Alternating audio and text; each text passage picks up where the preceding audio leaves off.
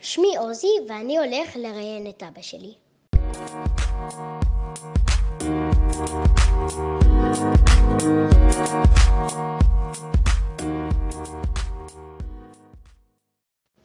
And did you used to help clean the house before Pesach?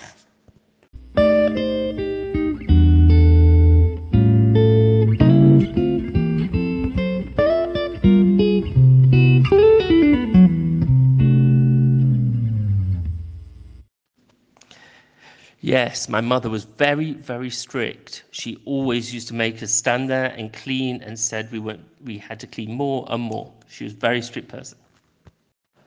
When you were a kid, did you have any special traditions on Pesach?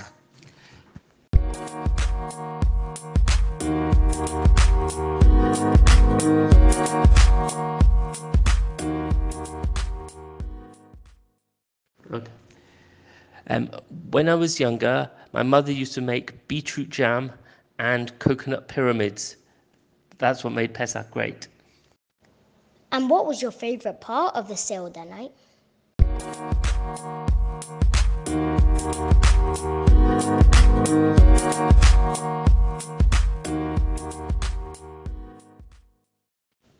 My favourite part of the Seder night was all the singing at the end. We loved the songs in our family and we all sang them together.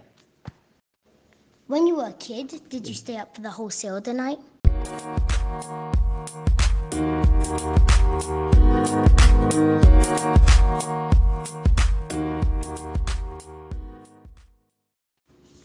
Yes, we mainly stayed up for the all the Seder night, apart from the times when we had four cups of wine instead of grape juice, got very drunk, and had to go to bed. When you were a kid, did you or your parents hide the Afikoman?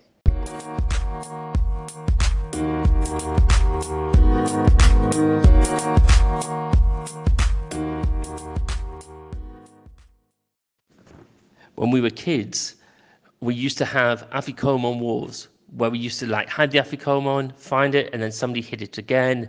It was a big balagan that took half an hour. It was terrible. Thank you for letting me interview you. It was a pleasure, Ozzy. It was wonderful to speak about Pesach with you.